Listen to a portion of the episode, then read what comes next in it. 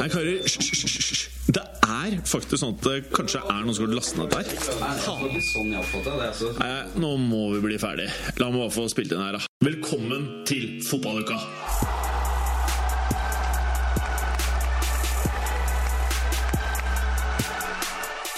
I fotballuka dag skal vi se nærmere portugisisk rakett, inngravert CR7 på siden, som øser eder og galle over alt den møter. En annen portugisisk rakett totalt desarmert idet Steven Neo Naismith gir Morino enda mer å være grinte for. Schizofreni i Manchester når kampen ikke startet før det har gått 45 minutter, og da eksploderte Old Trafford i takt med designerskåringer. Den mindre gutten i klassen klarte nesten å holde den sterkeste gutten i sjakk, men bare nesten, idet Manchester City klokker 15 poeng av 15 mulige. Endelig en back-to-back-seier for laget mange mente skulle kjempe om tittelen i år, idet Arsenal slår Stoke. Kjeder du deg i mamma- eller pappaperm? Har du låst deg inne på do på jobb for å få deg en liten breather fra kjedelige kolleger? Eller rett og slett ønsker å høre på en ikke kjedelig person? Da har du flaks, for i dag har vi med oss Christer Karlsen. Alt dette, og vanvittig mye mer, i ukas Fotballuka! Fotballuka leveres av appen Hoot, den digitale jungeltelegrafen. Ønsker alle deltakerne velkommen i dag, og mm, som lite overraskende så har jeg da Galåsen til venstre for meg. Hvordan går det, Morten? Det går bra. Og du mm, er ikledd en ny T-skjorte i dag, hvor det står Sousa Alex. Nesten. Eller? Det står eh, Alex Sousa. Sosa. Alex Sousa, og det er Det er eh, en av vår tids eh, mest undervurderte offensive midtbanespillere. Og han spilte for Han spilte i Parma, men eh, han ble ordentlig god da han gikk til eh, Fenerbahçe i 2004. Jeg husker han. Faktisk så god at han har en statue i Istanbul, Mm. og rett over gata for den statuen hjem, Ja. der er det en restaurant Ja. som spesialiserer seg på kumagesuppe. Mm. Men eh, kan du ta statuen til Nani og sette den ved siden av Alex Sosa sin? Nei. Nei. Ok, greit. Den skal han ha hjemme, Jim. Den skal hjemme i stua. Real life size. Og det var jo deg det, Bjarne. Hei, Bjarne. Hei, hei. Hei. Går det bra? Det går fint, vet du. Du har også en ganske fet T-skjorte i dag. Takk. Dårlig gjort. Ikke GJ, men HJ. Og en hjort som spyr. Ja. Mm, fett. Det er en slags uh, tribute til Galåsen som har oppkastlyd her hver gang. Pent. Og så er det deg da, Christer! Ja, hei, hei. Og du var faktisk et av de første navnene på blokka som jeg utmerket meg når vi startet å podde. Så usedvanlig hyggelig. Og det er usedvanlig hyggelig å bli invitert hit òg, det må jeg virkelig si. Jeg har grua meg litt og gleda meg enda mer. Jeg håper du har gleda deg mest. Ja, jeg har gleda meg mest. Ja. Men eh, det flommer over hjemme hos meg i Skien akkurat nå, så jeg sitter litt sånn eh, Ikke flommer over, da, men det er uh, Du er redd for at kjelleren skal bli full av Ja, vann rett nå? og slett det. Så jeg skal flytte ned alt av datautstyr og sånn ned i kjelleren i løpet av kvelden når jeg kommer hjem. Ja. Så ringer vi forsikringa i morgen, så blir det helt supert. Det, det hørte ingen. Og ikke forsikringsselskapet, i hvert fall. Eh, jeg må bare skyte igjen der at jeg jobber i et forsikringsselskap. Hvem, eh, hvem er det du bruker? Det, det er litt usikkert akkurat nå. Ja, okay. Jeg, jeg tror vi legger dette her flatt, jeg, karer. Krister, Christer, over til noe helt annet enn eh, forsikring og oversvømmelser og datautstyr i kjelleren mens det er oversvømmelse. Ja. Eh, du har en ganske så imponerende CV innen eh, fotball bak deg. Det kommer litt an på hva slags briller du går med. Jeg, Mine briller ser en imponerende CV. altså, det, det første jeg kan svare på det, er at jeg på en måte ikke hadde noe valg, i og med at faren min var en ganske ålreit fotballkeeper i, i sin tid, og spilte for Rosenborg den gangen jeg blei født. Eh, så det har blitt litt sånn fotball eh, i blodet for meg. Jeg har liksom blitt med faderen fra Trondheim til Skottland, hvor han var Ha proff. mikken litt nærmere, Christer. Det skal jeg ha. Der. Mm. Til han var i Skottland. Søt Og så flytta vi til Oslo, og så Ja, det var litt sånn nomadeliv, da. Fram Mm. til moderen fant ut at vi måtte hjem og begynne på norsk skole med bestemor og bestefar i nærheten. Mm. Og i dag så har du på deg mm, en fotballdrakt, du. Jeg har bortedrakta til England. Jeg tenkte at uh, Jeg er egentlig ikke noen England-fan, men jeg syns draktene de ofte opererer med, er veldig smarte og knæsje. Så jeg Ja. Det er en drakt jeg føler meg ganske ålreit i. Du er jo veldig ålreit. Tusen takk for det. Eh, og du har jo nesten et tiår bak deg, du, i TV-kanaler. I de to største i landet, faktisk. Ja, jeg har jo det. Jeg Mhm. har eh, seks år i TV 2, på mm. Sporten der. Jeg er sikkert en del av dere som har hørt både stemmen min og kanskje sett ansiktet mitt et par ganger. sett deg, Christer. Off a meg. Mm. Off my face. Jeg har dessverre arva utseendet til faderen og ikke moderen, sånn sett. Så mer en radiotype, da, tror jeg. Sånn sett, Du egentlig. står flott, jeg, Christer. Takk for det. Hva det. syns dere, karer? Veldig flott. Og så må du ikke glemme at det er bedre å se ut som faren sin enn mora si når det kommer til stykket. I Ja. hvert fall hvis man er mann. Ikke sant? Men for min del så ble det litt kjipt dette her da, for jeg skulle, skulle gjerne vært som faderen på fotballbanen, men jeg fikk liksom fotballbeina til moderen nå, da, på en måte, så Trenger ikke bein når du skal stå i mål. Nei, det er sant. Men, Trenger men, du huet? Men Christer, Ja, eh, jeg opplever deg som en usedvanlig hyggelig fyr, tusen takk for det. og veldig kul. Tusen takk for det. Og når jeg har sett deg på skjermen, Ja. så føler jeg at det kommer veldig tydeligere frem. At du er en kul kar, da. Ja, Er engasjert. Engasjert Ja. og kul. Jeg, jeg prøver ikke å være kul, men jeg prøver bare å være meg sjøl. Og jeg digger fotball så inn i helvete at jeg tror på en måte det, det kommer litt ut av meg. da At det kommer ikke bare ut av den åpningen, men du ser det gnistrer litt. Kanskje i øynene mine, eller Ja, ikke den åpningen eller den åpningen, men, men resten av de øverste i øverste etasje, så tror jeg det pipler litt ut, da. Ja, men det er bra det, Christer. Hvis jeg sier RBK, Dunfermline og VIF Ja, Da sier jeg Dunfermline. Ja, ja. Hvem er det vi prater om da? Nei, da? Snakker vi om Geir Karlsen, som er uh, pappaen min. Han har 32 landskamper. Han er serie- og cupmester for Rosenborg. Han er, uh, har spilt uh, proff i Skottland. eh, Fikk vel en gang også et tilbud. Han sparka så sinnssykt langt ut. Jeg skal komme litt tilbake til gode utspark seinere i podkasten, men, eh, men eh, jeg vet han scora mot Moss en gang.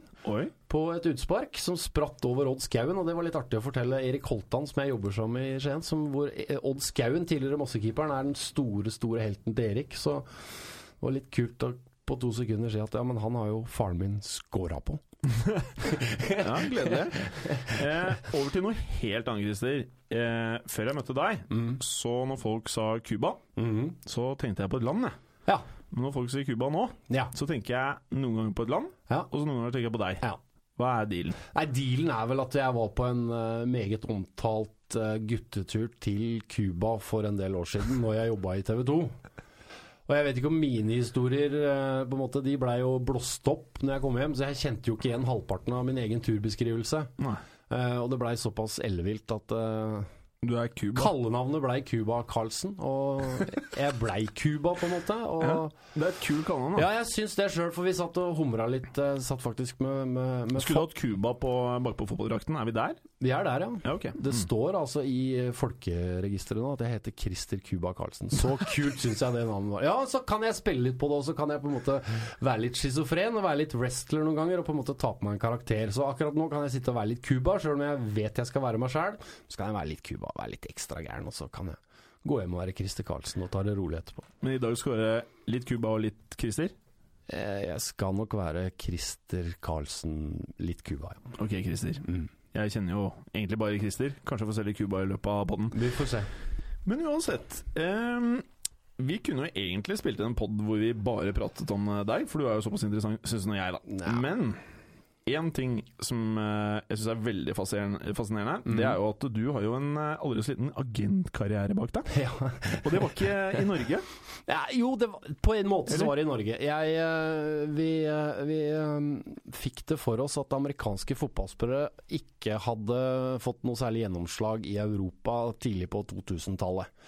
Så samarbeida jeg med Lars Petter Fossdal, som hadde gjort en del nybrottsarbeid på å få inn bl.a. folk fra Danmark og Island osv. inn til Norge.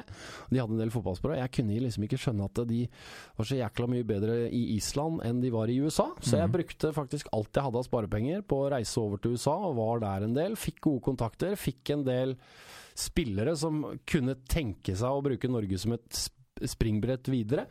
Men jeg tror litt vi var litt bitte grann for tidlig ute i forhold til eh, For vi blei jo veldig møtt med den holdninga at nei, de kan ikke spille fotball der. Altså Det var liksom før vi blei litt kjent med det amerikanske landslaget på, fra VM-sendinger og sånn, men jeg, jeg er jo ikke i tvil om det at eh, og jeg, Vi så jo også det at bl.a. blant annet vi tilbød Vålerenga eh, Brian McBride, hvis det er noen som husker Brian McBride.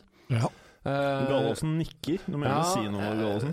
Vålerenga s- vurderte å kjøpe Brian McBride den gangen, og det hadde på en måte vært mitt gjennombrudd i bransjen nå, for da hadde jeg på en måte fått penger til å fortsette for, en, for en million dollar. Uh, men eh, det syns Vålerenga blei litt for dyrt. Nå veit jo jeg, at, og kanskje flere med meg, at Brian McBride reiste til Premier League og skåra mål i bøtter og spann, både for Fulham og Everton. Så det hadde jo vært litt moro å sett han i Vålerenga. Men det, det, det liksom vassa litt ut i intet, mm. for å si det sånn. Men vi prøvde. Det var vel gøy for det. Ja, og jeg mener fortsatt at det er så mye gode fotball fotballsprø borte i USA som ikke vi klarer å få øynene opp for. De trener på en annen måte, de har en annen mentalitet. De har eh, Ja, så det hadde vært en berikelse, tror jeg, for norsk og skandinavisk fotball. Fått inn enda flere. Bra. Og da er det jo litt spennende, Christer, for vi hadde jo Jan Peder Jalland her eh, forrige uke, og han Mhm. kommenterte en aldri så liten scoring. Mhm. Eh, og i den forbindelse så er det litt morsomt å kanskje høre deg gjøre det samme. Mm. Og dette her er jo Jeg må jo si, eh, du har jo veldig mye erfaring med dette her, så Ja. vi kommer nok til å være litt strengere med deg okay. Okay. eh, enn med Jan Peder. Mhm. fordi at nå skal vi begynne å score kommenteringen, vi, Ja. i studio her. Og regelen er vel, Gallosen, at vi skal kjøre hvor mange desimaler? Vi kjører to desimaler. To desimaler. Det høres bare rett og rimelig ut. Skal vi gi eh, starte med å gi Jan Peder en score for eh, forrige uke? Hva er det dere scorer på, gutter? Liksom sånn i korte trekk. Det er Hva må veldig jeg, godt, hvor må eh, jeg gjøre meg pen her nå ja. etterpå? Altså, Vi har pratet om karisma, Mhm, innlevelse, mhm, kunnskap, mhm, timing og selvfølgelig stemmen din. Og Der tror jeg du scorer høyt, Christer. Vi får se. Eh, Gallosen, hva gir du eh, Jan Peders eh, kommentering forrige uke? Jeg har gitt han eh, 7,43. På daggeren. Mm. Det var eh, litt av en score, altså. Vi har liksom ikke noe å sammenligne med ennå, så jeg visste ikke helt. Kristoffer? Jeg tenker litt det samme. Det er, det er, du kan ikke legge deg på ti nå, for da har du ikke noe slingringsmonn på de som kommer han eh, vel ikke- etterpå. Altså, Jeg er glad i Jan Peder, men han var vel ikke en tier? Nei, nei, Nei, han vi skal huske, 7,43. ja. skal huske at det var første, første gangen han gjorde det, så jeg har gitt han eh, 7,01. Altså 0,1 fordi eh, de tapte 1-0. Mhm. i helgen. Ja, da lurer jeg på Fint stikk. Da lurer jeg på tekniker Marius. Hva er det du gir Jan Peder? Uh, jeg gir uh, Jan Peder 7,78. Mm. Jeg syns han gjorde en god jobb, men jeg tror det kan, kan gjøres bedre. Mm. Pen score, Marius. Og jeg legger meg på 7,82. Uh, og så kan jo du regne på det, Marius, hva slags totalscore vi ender opp med da. Men nå, Christer, Ja. nå skal du kommentere akkurat samme scoring som Peder hadde okay. Ok. forrige uke. Ok. Eh, og da er det bare å slå seg løs. Ja, vi får prøve, da. Skal vi se, Da må jeg skru om litt sjøl. Da er det altså ferdig på Old Trafford. Manchester United har vunnet 1-0, og City har Queens Park på gaffelen, men denne snuoperasjonen kan da aldri i verden gå hele veien. Skal vi se, her kommer City. Krangler seg framover. Sergio Aguero! Han setter ballen i kassa! Sergio Aguero! Og Manchester City, mine damer og herrer, har blitt seriemester! Gud, for et drama! Det der, Christer, det var det meget høy klasse over. Jeg ser du er eh, Det er veldig tydelig at du ga mye energi, i hvert fall. Fordi du Det har jeg, eh. Det gjør jeg. Jeg blir rød i fjeset, tenker jeg. Ja, du har samme rødfarge som den Umbro-logoen på den hvite drakta der. Men det er veldig bra. Uh, og da må jeg bare calle dere med en gang, jeg, karer. Uh, Gallåsen, hva gir du Christer Carlsen, eller Christer Cuba Carlsen, i score? Cuba får av meg 8,69. Wow! Det er høyt.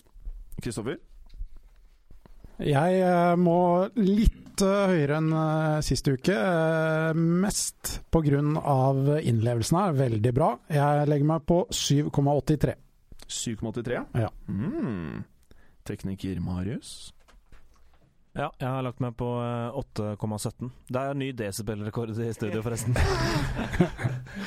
Og jeg legger meg på 8,01, jeg, Christer. Jeg syns det var usedvanlig bra jobba. Jeg syns dere var utrolig snille med meg, gutter.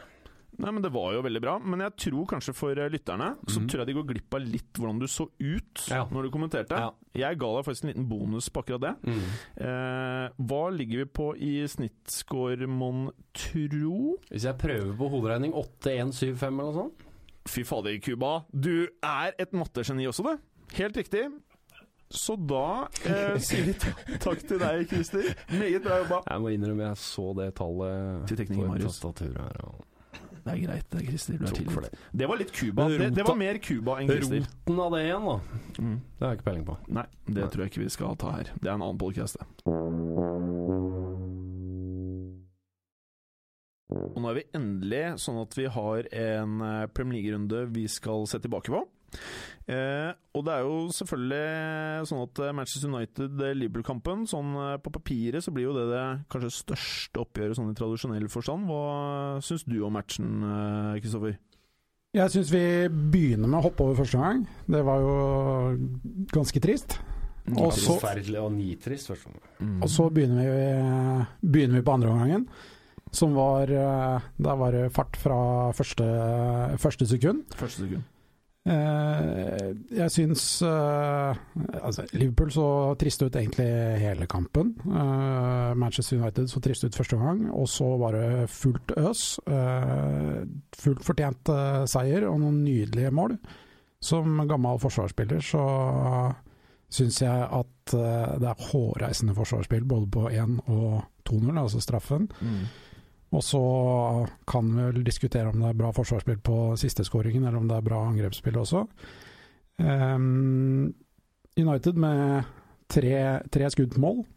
Tre mål. Tre mål. Og ett av de var jo ganske smooth, eller hva, Christer? Ja, Hvis du tenker på det siste, så var det veldig smooth, men det blir jo litt smoothere fordi det er han unggutten som gjør det på det tidspunktet han gjør det. Altså hadde det vært Daily Blindt som hadde gått, tatt den samme runda, så hadde vi jo selvfølgelig ikke snakka like mye om goalen, men det er noe med presset, og det er noe med på, på en måte kampen ligger og vipper litt, ikke sant der, og United må, vil gjerne ha det tredje goalen. Kjempekult. Uh, flotte mål. Jeg er jo en Villa-supporter, så jeg var litt lei meg når Liverpool kjøpte Christian Benteke, og jeg syns jo Christian Benteke, stakkar, lider litt av det samme som han gjorde under Aston Villa. Litt dårlig service. Jeg hadde trodd han skulle få bedre service enn det han får i Liverpool. Så får vi heller diskutere hvorfor han ikke får det, men jeg syns jo den store belgieren nok en gang da drar en sånn luring opp av hatten som bare viser at fy fader, dette her er en fotballspiller som har det meste i registeret. Du er ikke like lei deg over at Benteke dro som Jonny var lei seg over at Stirling dro. For i hans bok så eksisterer jo ikke Stirling lenger, men eh, Benteke eksisterer for deg. Og hva mener du om denne Benteke-skåringen, Gallosen? Benteke-skåringen var jo nydelig, men eh, for å ta litt uh, tilbake til forsvarsspillet, mm. som Kristoffer nevnte Jeg vet ikke om noen så om Ander Herrera bare feiga ut fullstendig da han så hva Benteke var i ferd med å gjøre. Ja, Han det, trakk seg. Mm. Mm, trakk seg veldig. Det skjønner jeg godt. Og når vi er inne på smoothie mål, så må vi ikke glemme altså Det er mulig jeg har sett for mye norsk fotball, men jeg syns Daily Blind sitt mål var dritfint. Ja, det var veldig fint. Kjempeavslutning. Mm. Elendig forsvarsspill. Altså, det, du må alltid ha en person som ligger der og dekker opp den eventuelt andre ballen som kommer, da, eller første i dette tilfellet her. Mm. Så det skulle aldri skjedd. Men Gallosen, hva var det kuleste målet? Benteke eller Martial eller Daylight Blindt? Nei, altså Gitt uh, hele opplegget rundt, så gir jeg min stemme til Martial. Mm. Jeg må si at jeg er litt uenig. Jeg syns Beteke var mye finere. Jeg sitter med en liten følelse at uh, Martial var litt heldig der. Så ut som han ballen spratt liksom akkurat Ja. i riktig retning for han der. Og traff lissa så, der når han skulle forbi der, ikke Ja. sant? og så detter ballen litt riktig i banen hans. Men så han hadde flyt da i første kamp, og det blir spennende å se om han klarer å ta med seg det videre, eller om presset blir enda større. Ålreit. Det er jo eh, sånn at eh, Arsenal for eh, første gang klokker inn en back-to-back denne sesongen her. Når de slår Stoke. Hva tenker du om det oppgjøret der, Gallosen? Det oppgjøret tenker jeg på som enveiskjøring. Mm. Jack Butland hadde igjen en stor kamp, men hjalp lite denne gangen, da, for nå er Walcott tilbake. Og når han er frisk og Øzil er frisk, så er det en ny dimensjon i Arsenal-angrepet. Men hva med Sanchez, da? Sanchez er stort sett frisk og stort sett rask og stort sett sterk. Men det blir jo ikke noe poeng på fancy fotball. To i, to i treverket fra Sanchez. Han nærmer seg nå. Han er den spilleren som har hatt eh, flest eh, avslutninger i Premier League eh, så langt. Mm. Soleklart flest òg. De må inn i mål! De må inn i mål, og det tror jeg kommer nå. Ja. Bare vent og se. Ok, det er greit. Jeg, jeg er litt usikker på dette Arsenal. og det er, mye av kritikken mot Wenger har jo gått på nettopp det at han ikke har adressert denne spissplassen sin. Så jeg tror det at hvis Arsenal, sånn som denne kampen mot Stoke, hvor de hamrer på Jeg tror de hadde borti 30 avslutninger på mål, og de bare får to mål. Og Det er jo litt den sangen og dansen det har vært rundt Arsenal de siste åra. Veldig fint spill, lite skåringer, så de trenger liksom at noen stepper opp nå og blir Mr. 25, altså. Det gjør Mister Mr. 25. Eh, hva endte kampen av, Gallosen? Det ble 2-0 til Arsenal, Mm. og litt merkelig så lå Stoke veldig dypt selv på 1-0 et godt stykke ut i kampen. Mm. Og vi kan jo bare nevne resultatet i eh, United-Liverpool-kampen eh, for de som ikke har fulgt like godt med, da. Manchester United 3, Liverpool 1. Å, du er så flink i engelsk, Gallosen. Christer, Mhm. du har jo fulgt med på en eh, annen kamp. Ja. Ja. Eh, og et av lagene der har en manager som eh, av og til er bitte lite grann grinete, og han blir bitte lite grann mer grinete for hver match. Ja. Eh, da prater vi naturligvis om Everton-Chelsea. Ja, og da snakker vi selvfølgelig om Roberto Nei da, vi gjør ikke det. Vi snakker om José Mourinho. Eh, ja, hva nå, José Mourinho? Tenkte jeg etter denne kampen mot Everton, hvor Everton på en måte Og jeg ser altså et Chelsea som på en måte Som spiller forsvar over hele banen, for det første. Det er ingenting igjen av det som på en måte Chelsea har vært solide på. Jeg ser også en Ivanovic som er helt fjern om dagen. I fjor så mente jeg nesten han var verdens beste back. Nå er han jo ikke i nærheten. Verdens beste back totalt, ja, ikke bare høyrebekk. faktisk. Det gjorde jeg. Ja, jeg synes han, Jaså? han, har, ja, han synes jeg er utrolig bra. Målfarlig til og med. Han vet hvor han skal ligge og lure i 16-meteren. Stort sett stor, full kontroll. Jeg syns, jeg syns han er litt symptomatisk på hvordan Chelsea opererer om dagen. Nå skal jeg ikke ta bort noe fra Everton. Jeg liker Everton veldig godt. Et hardtarbeidende, bra lag som har litt grann sånn stjernestøv på, på, på startoppstillingen sin. Så har de typer som, som Steven Naismith, som kommer inn for Besic etter bare noen minutter og skårer et hat trick og har liksom den dagen. Nå kommer ikke Naismith til å skåre veldig mange hat trick i år, tror jeg. Men han er en type man blir litt glad i. Han jobber og blør og står på for laget og går foran. Peker hvor han vil ha ball hele veien og er litt sånn art, artig type. Og jeg syns det er gøy når disse her grovarbeiderne får litt sånn eh, litt tid i, i massemedia og, og intervjuer etter Og da er det jo greit å nevne også Everton skårte tre mål, Ja. og Chelsea skårte ett. Det er litt viktig å få med. Og, og, og Chelsea står nå da med fire poeng etter fem kamper, og, og City har 15. For at, Det er bare å begynne å regne, eh, ass! Husker du på lørdag, Kristoffer? Ja. Eh, nei, det husker du ikke. Nei. For du var jo ikke der. Det var Preben, som ikke er her i dag, jeg pratet med. Og Men jeg husker lørdag. Du husker lørdag. Jeg og Preben pratet om eh, Sunderland. Og da var det sånn at hvis Sunderland vant, så ville de gå forbi Chelsea på tabellen. Og det hadde jo gledet eh, studio og praten her ganske mye. er klart. Eh, ja. Men jeg bare må trekke fram Ross Barkley i den kampen. Eh, fra å være en spiller som glimter til et par ganger i løpet av sesongen, så har han vært veldig god i år. Eh, og han kjører jo over midtbanen til eh, Chelsea. Eh, Fabregas har jo ingenting å stille opp med. Eh, det virker som om eh, de andre lagene i Premier League har funnet ut av Chelsea nå, og på en måte mose på eh, Fabregas. Og han er jo den spilleren nå som har blitt dratt av flest ganger i Premier League i år. Oi. Så det ser, det ser ganske tynt ut på midtbanen til Chelsea. De mangler på en måte et eller annet i sentrallinja der. Enig. Så er, er det jo også på sin plass å nevne midtstopperen til Everton, John Stones, som Chelsea lå langflat etter nå i overgangsvinduet. Eh, jeg tror de la inn tre bud på gutten, eh, og Roberto Martinez nekter å selge den. Og det viser virkelig John Stones på, på lørdag mot Chelsea. Hvorfor både Chelsea vil ha han, og hvorfor Everton vil beholde han. Han syns jeg var en gigant bak der. Rolig, ung, god oversikt. Ja, nydelig fotballspiller. God fotballspiller med eh, fremtiden foran seg. Eh, Watford-Swansea, Kristoffer. Ja, Ja, hva skjedde der? Nei, Det gikk ikke helt sånn som jeg hadde sett for meg, gitt. Nei, Eh, Fordi Swansea var jo en eh, god steam. Ja, absolutt. Eh, Jeg var så vidt innom uh, sist uke alle nyervervelsene til Watford, og hvordan det på en måte ikke kom til å føre noe godt med seg. De virker ekstremt samspilt defensivt, men samtidig så slår det meg at det er de spillerne som var med på opprykket, som på en måte bærer laget. da. Og skåringen kom jo da fra langt utspill fra Gomez i mål, som også spilte i fjor, opp til Troy Dini, som for meg egentlig ser ut som en championship-spiss, men han jobber og sliter. Heading til Igalo, som uh, skårer. Nydelig mål. Men utover det, Watford var best. Swansea hadde faktisk ikke så mye å stille opp med. Nei, så kampen endte 1-0, er det Yes. å si. Mm. Eh, eh, Gallosen, du Mm. har bra koll på Bournemouth. Og eh, de eh, dro til eh, Norwich.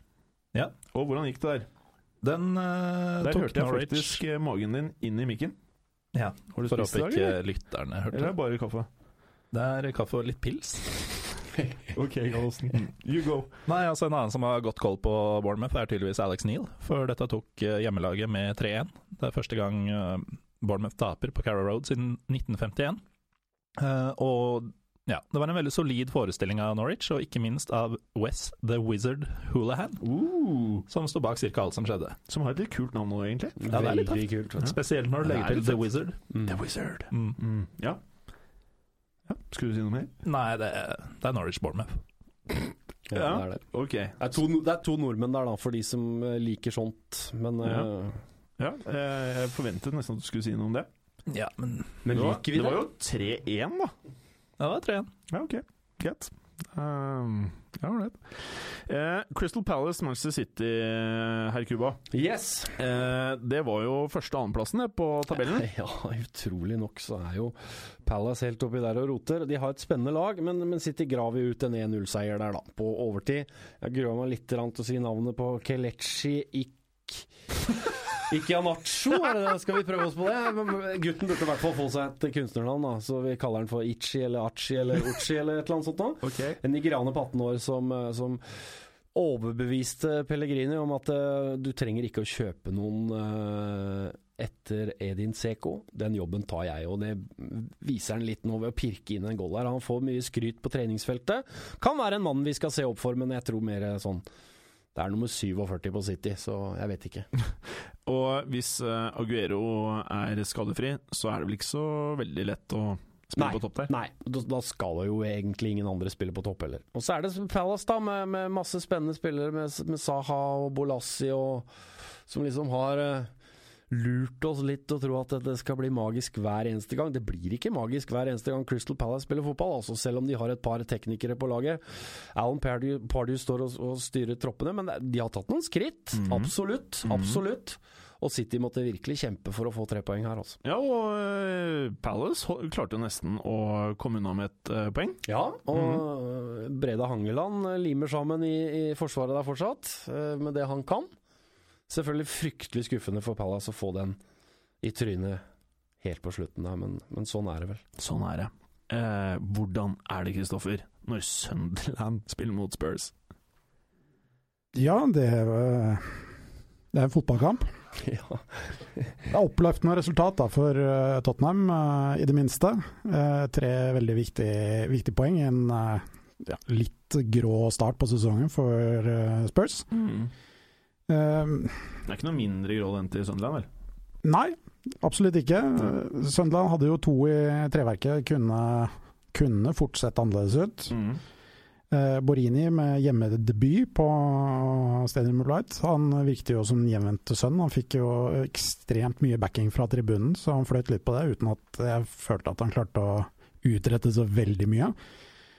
Eh, begge lagene jobber og sliter uten å klare å skape all verden. Eh, for Tottenham sin del så er det mest positive at eh, Mason ser bra ut og får en scoring endelig. Eh, og Samme med, med Dyer på midtbanen, som eh, ser veldig bra ut for en forsvarsspiller å være. Så Ja. Kampen endte. kampen endte 1-0 til Tottenham. Mm. Sen scoring. Samme resultatet som eh, Palace eh, City. Mm. Ja, var det en underholdende kamp? Det er det jeg er keen på å vite. Mm, Nei. Mm. Det støttes. Ikke spesielt underholdende. Ok, da går vi rett over til West Brom Southampton, Gallosen. Hvordan var den? Vi, eller jeg, uh, kalte kampen kommunegrå i forkant. Jaså? Det endte 0-0. Skudd på mål 1-2. Mhm. Eh, Tony Pulis, eh, eller kampene til West Brom under Tony Pulis, Ja. eh, av de har 22 endt 0-0. Ja. Så kommunegrad var utrolig bra calla av Morten Gallosen. Ja, veldig bra. Morten Gallosen, skal du si noe mer om det, eller? Eh, Det er blitt skåra tre mål nå på de siste fem oppgjørene mellom de to lagene. Jeg Mm. tipper det blir 0-0 senere i sesongen også. Skikkelig sterkt. jeg la merke til Graziano Pelé hadde en knallavslutning på slutten der som bare understreket hans problem med å skåre på bortebane. Det var så vidt ballen kom fram til mål. Mm. Men han så bra ut, eller? Han så bra ut. Mm. Alle Ja. fotballspillere ser jo bra ut. Alle fotballspillere ser ikke bra ut. Nei, altså litt ironisk, da. Men Ja. eh, Men uh, nå tenkte vi på hvordan han faktisk ser ut, eh, ikke bare hvordan han spiller. Men uh, all right. Eh, jeg skjønte Christer, det. Bra, Kuma. Men uh, du skal få lov til å ta over det nå. For Leicester jeg tar over nå? Ja, Leicester Aston Villa. Ja, Veldig enkelt å, å bli bedt om å kikke på en sånn kamp. Jeg er jo, som jeg prøvde å si her, Villa-supporter. Har bodd i Birmingham og fulgt laget tett i, ja, i 30 år nå. Blir jo selvfølgelig veldig glad når jeg ser Villa med sine 12-13 nyinnkjøpte spillere. Det ser litt ålreit ut i første omgang der. Tar ledelsen. Et nydelig mål av Jack Grealish. Som er et navn dere bare må Det har dere sikkert lagt dere bak øret for lenge siden, men som, eh, som Villa-support på Fy fader, det her blir bra. Ja, Cuba. Han sovna jo på uh, gata i utlandet. de store veldig- gutta gjør det. Ja, han har drukket litt. Han var sliten etter en lang sesong. litt, litt sliten etter mye, Tror du mye var- tid på benken. Tror du det var Neida, på på skal- eller? Mm. Var det på Cuba? Han er en gangster, blir det sagt. Han har mye dårlige venner. Er han gangster? Ja, litt gangster. Sier du det? Ja. Han er fra et sted som, eh, som heter Perry Bar, som ikke er all verdens å vokse opp i. Oi, altså? Men, ja, jeg tror det. Men uansett, eh, Villa leder, og, og, og, men Leicester setter i gang med maskineriet sitt. Den høyintense greia som de har blitt litt eh, kjent for. Jeg har faktisk aldri hørt noen beskrive Leicester som maskineri. Så de, de bare Nei, ja, maskineri er vel kanskje feil, men det er noe, det er noe intenst over Leicester. Det er en, en Ja, de er hotte nå. De er ja, hotte veldig nå. hotte, og de, de skrudde om veldig i pause. Villa får en litt sånn heldig 2-0 der mot spillets gang. Nydelig scoring det òg, for øvrig. Det var veldig mye flotte scoringer denne runda her, syns jeg. Eh, men så begynner Leicester da å få i gang eh, Får det viktige 1-2-målet som gir i trua på dette her.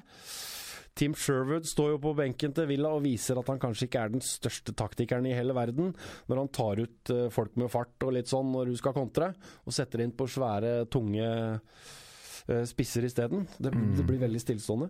Leicester snur, det er nydelig å se på, og jeg blir jo forelska i Riyad Mares. Jeg må si det. Jeg ble dritforelska i Riyad Mahrez. Ja, men jeg gjorde det. Jeg har hørt mye snakk om gutten. Ja, ja, han kan drible, men nå fikk jeg sett den i 90 minutter. Jeg fikk fulgt med. Fy fader, for en fotballspiller. Ja. Lover at han spiller i topp fire. Kanskje til jul. Ja, vi prater jo om Barcelona, men uh, Ja, jeg, vi får se, da, vet du. jeg tror, mitt tips, folkens, hvis dere har 50 kroner å tippe for Arsenal. Arsenal, ok. Kristoffer, Ja, eh, sa du hvordan det endte, eller, Cuba? Yes, nei, jeg har ikke lyst til å si det Det er ikke så heller. viktig. Nei, det er ikke så viktig. Villa leda 2-0 og tapte 3-2. 3-2. Eh, Kristoffer, kan ikke du runde av forrige helga? Westham, Newcastle. Ja, eh, schizofren eh, To schizofrene lag. Mm. Eh, Westham minst schizofrene, kanskje. Eh, det blir ingen revansj for McLaren mot eh, Bilic. Tredje seieren på rad for uh, Bilic mot stakkars eh, McLaren, som ikke ser ut som han har noe spesiell plan med det han driver med. Uh, han eh, ble jo da hindret, eller Newcastle ble hindret på vei til eh, kamp av trafikken, og måtte visstnok gå de siste par kilometerne til stadion. Jaså? Så McLaren mente at de kun hadde ti minutter til oppvarming, uten at han sa at det var grunnen til at de tapte, men implisitt så mente han jo det. Hva mener du? Det er det jeg lurer på. Jeg mener at Newcastle er ganske dårlig, så de fikk jo som fortjent. Men uh, Westhams første hjemmeseier uh, Alan Shearer mente det var ti Newcastle-spillere på banen. Ja. Mm. Det kan stemme. Mm. Det så i hvert fall litt sånn ut. Fordi spissen, han jobba nesten ikke. Nei, Skisse. stemmer. Den er fjerde kampen til Newcastle på rad uten scoring. Det er jo ikke bra. De hadde mye ball, Newcastle, men klarte ikke å utrette egentlig noen ting. Uh, ble hardt straffet av uh, Payet med to skåringer. Mm. En av sommerens beste signeringer. Ja, han ser veldig bra Cuba har fått noe i hersen. Ja. Men sånn utover det, så syns jeg at eh, det, hvis man ser på alle kampene totalt sett, så syns jeg at jeg ser en tendens til at uh, mange lag prioriterer bort possession til fordel for å bryte motstanderen og satse på kontringer. Det er sånn rød tråd gjennom hele runden, egentlig, og så Mm. langt i sesongen òg, med at det er mye borteseiere fra lag som ikke har ballen spesielt mye. All right. Kan jeg bare, Avslutningsvis, tenk om Newcastle hadde vunnet den kampen, og så hadde jo da greia blitt at da måtte de jo gått til hver eneste kamp framover, kanskje? da, Eller? Hvis det hadde vært sånn Lucky Charm-opplegg? Og det hadde vært gøy. Ja, det hadde det. Det hadde vært jævla gøy. The walking team from Newcastle. du kunne tatt oppvarmingen på vei til banen. All right. Takk skal du ha, karer.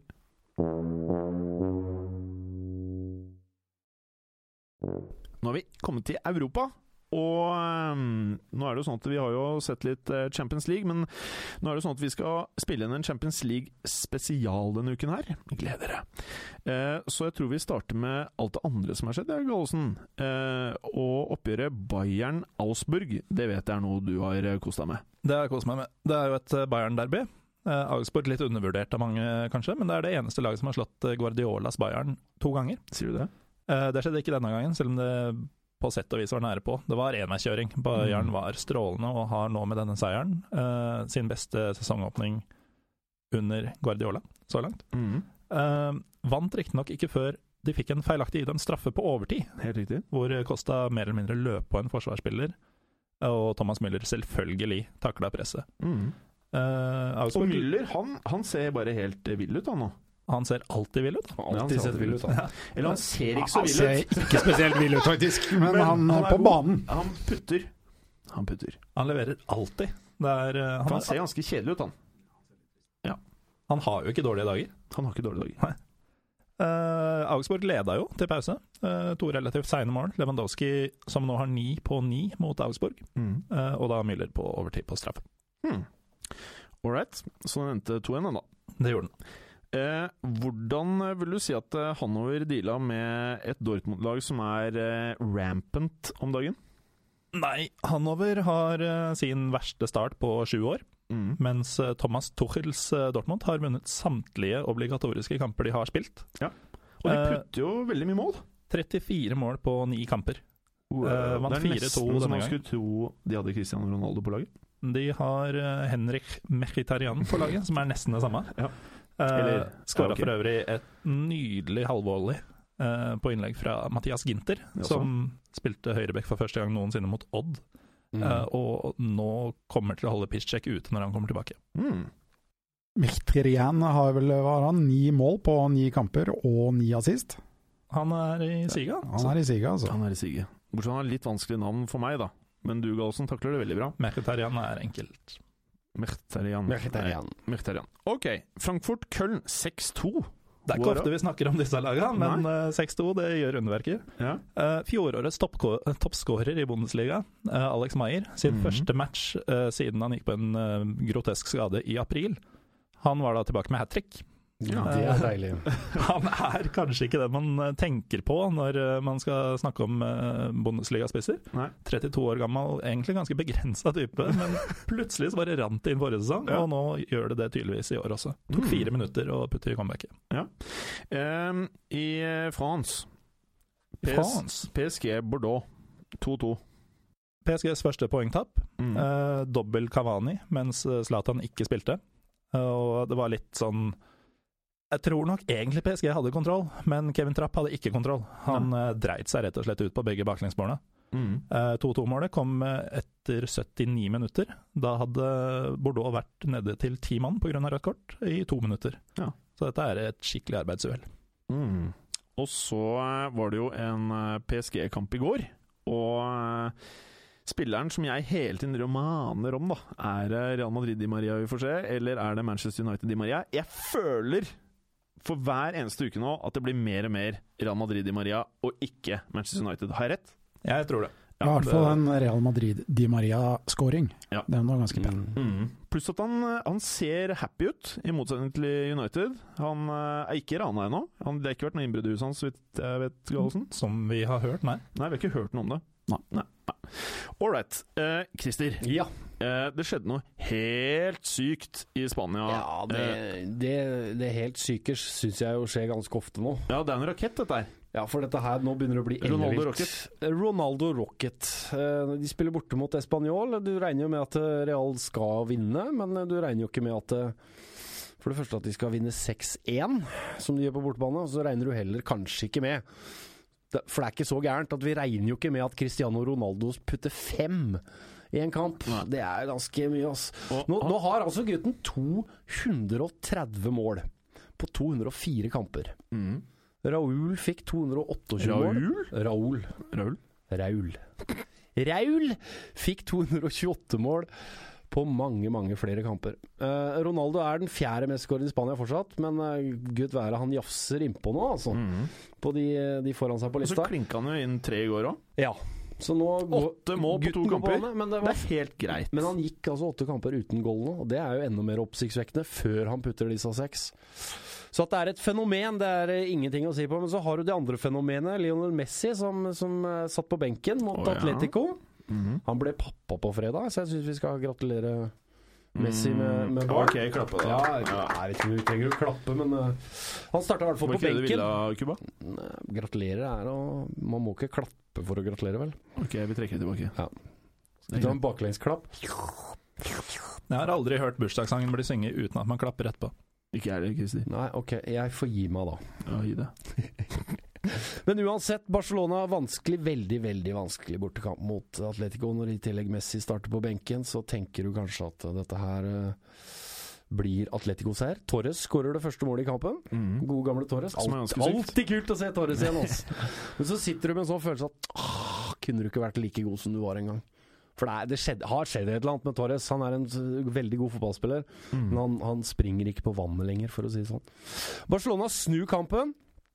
Neymar skårer ett, og Messi kommer inn og skårer ett, selvfølgelig. Possession i kampen er 30-70 ca. Ja vel. Til til Barcelona. Jaha. Så Barcelona vinner den kampen 2-1. Kjempegod kamp. Eh, viser igjen at det er de tre-fire beste lagene i Spania er kanon. Ja, De er faktisk kanon. Og eh, når man så Atletico Madrid eh, eh, i går også, så er det mye potensial, og de har en fremtidig kanskje worldbeater i Grismann.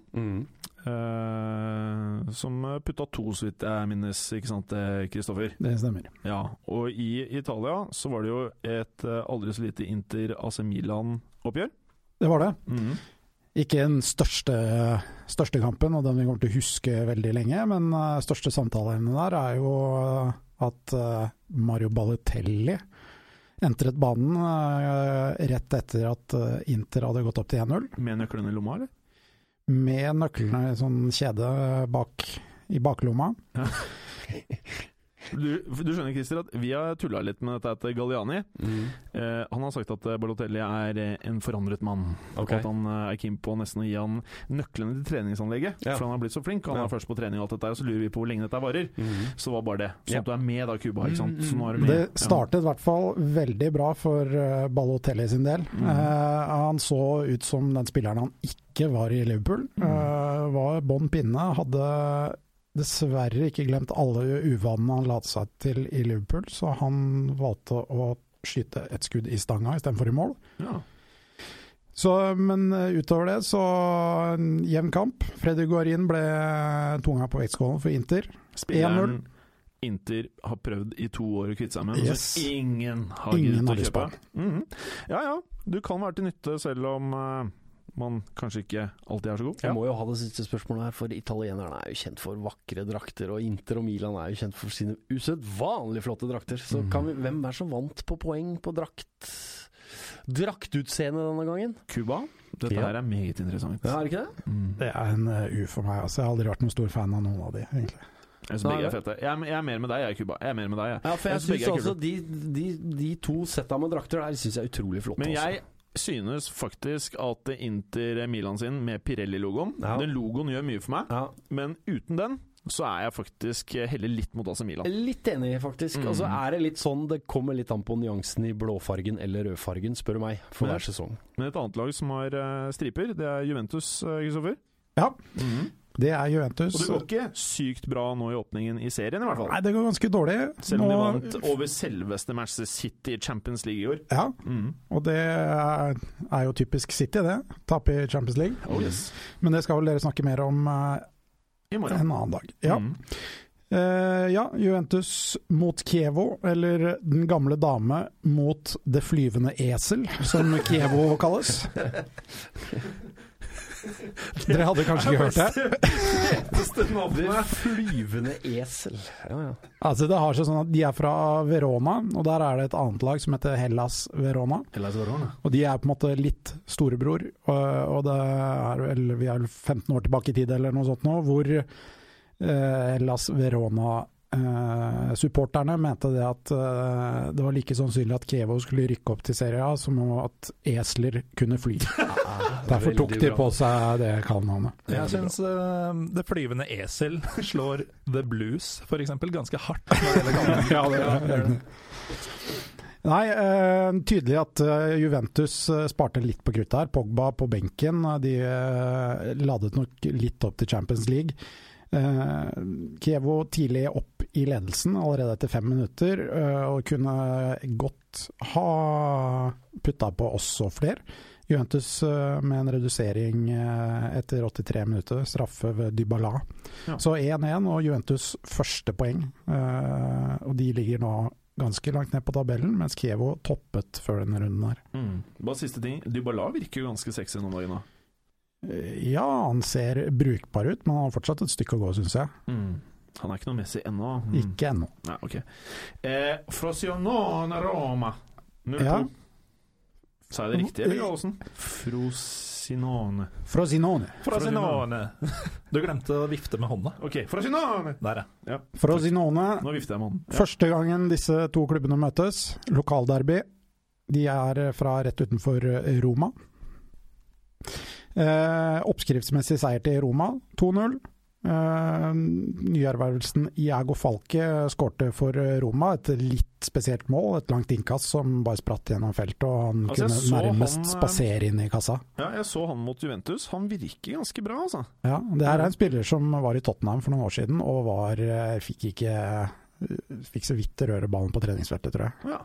Så alle spillerne som er solgt fra England, som vi prater om eh, nå, Di Maria, Mm. Folke, alle gutta gjør det bra i utlandet, men ikke i England. Hmm. Mm. Hmm. Ja. Nei, altså, De fikk en skåring helt på tampen hos Roma, men uh, når Frosinone jaktet en utligning. Så Roma er en reell eh, trussel til tittelen, holdt jeg på å si? De ser brukbare ut. Ja. Eh, De har også et stykke å gå, tror jeg, men eh, de har klart å karre til seg en del poeng eh, tidlig i sesongen. Så i motsetning til mange av deres argeste konkurrenter. Vi runder av med Empoli, eh, Napoli 2-2. Og Napoli de eh, solgte unna både en og andre i sommer, og man fryktet jo at de skulle selge både Hamsik og Higuain og det som var. Eh, ja, hvordan var dette her, da? Ja, og de har ikke sett veldig bra ut eh, så langt. Eh, Empoli spilte en bra kamp, som de ofte gjør mot eh, Napoli. Eh, Napoli har startet ganske svakt etter at Rafa Benitez forlot roret. Eh, mange har vært kritiske til den nye treneren Maurizio Sarri, annet Maradona, som har en Hva heter navnet, sa du? Sarri. Sarri. Mm. Blant annet Maradona, som har en fortid i Napoli. Han mener at han ikke er mann til å føre laget framover. Eh, og Sarri har jo da tidligere kun trent lag i lavere divisjoner, før han tok nettopp Empoli fra serie B til serie A. Og han bytta jo beite fra Empoli til Napoli før Mm. denne sesongen. Jaså, ålreit. Ja ja, da er vi ferdig med Europa, da. Fordi at vi skal ikke bruke altfor mye tid på Champions League. Det skal vi som sagt innom uh, i vår spesial. Men uh, ja, takker. Veldig bra, karer.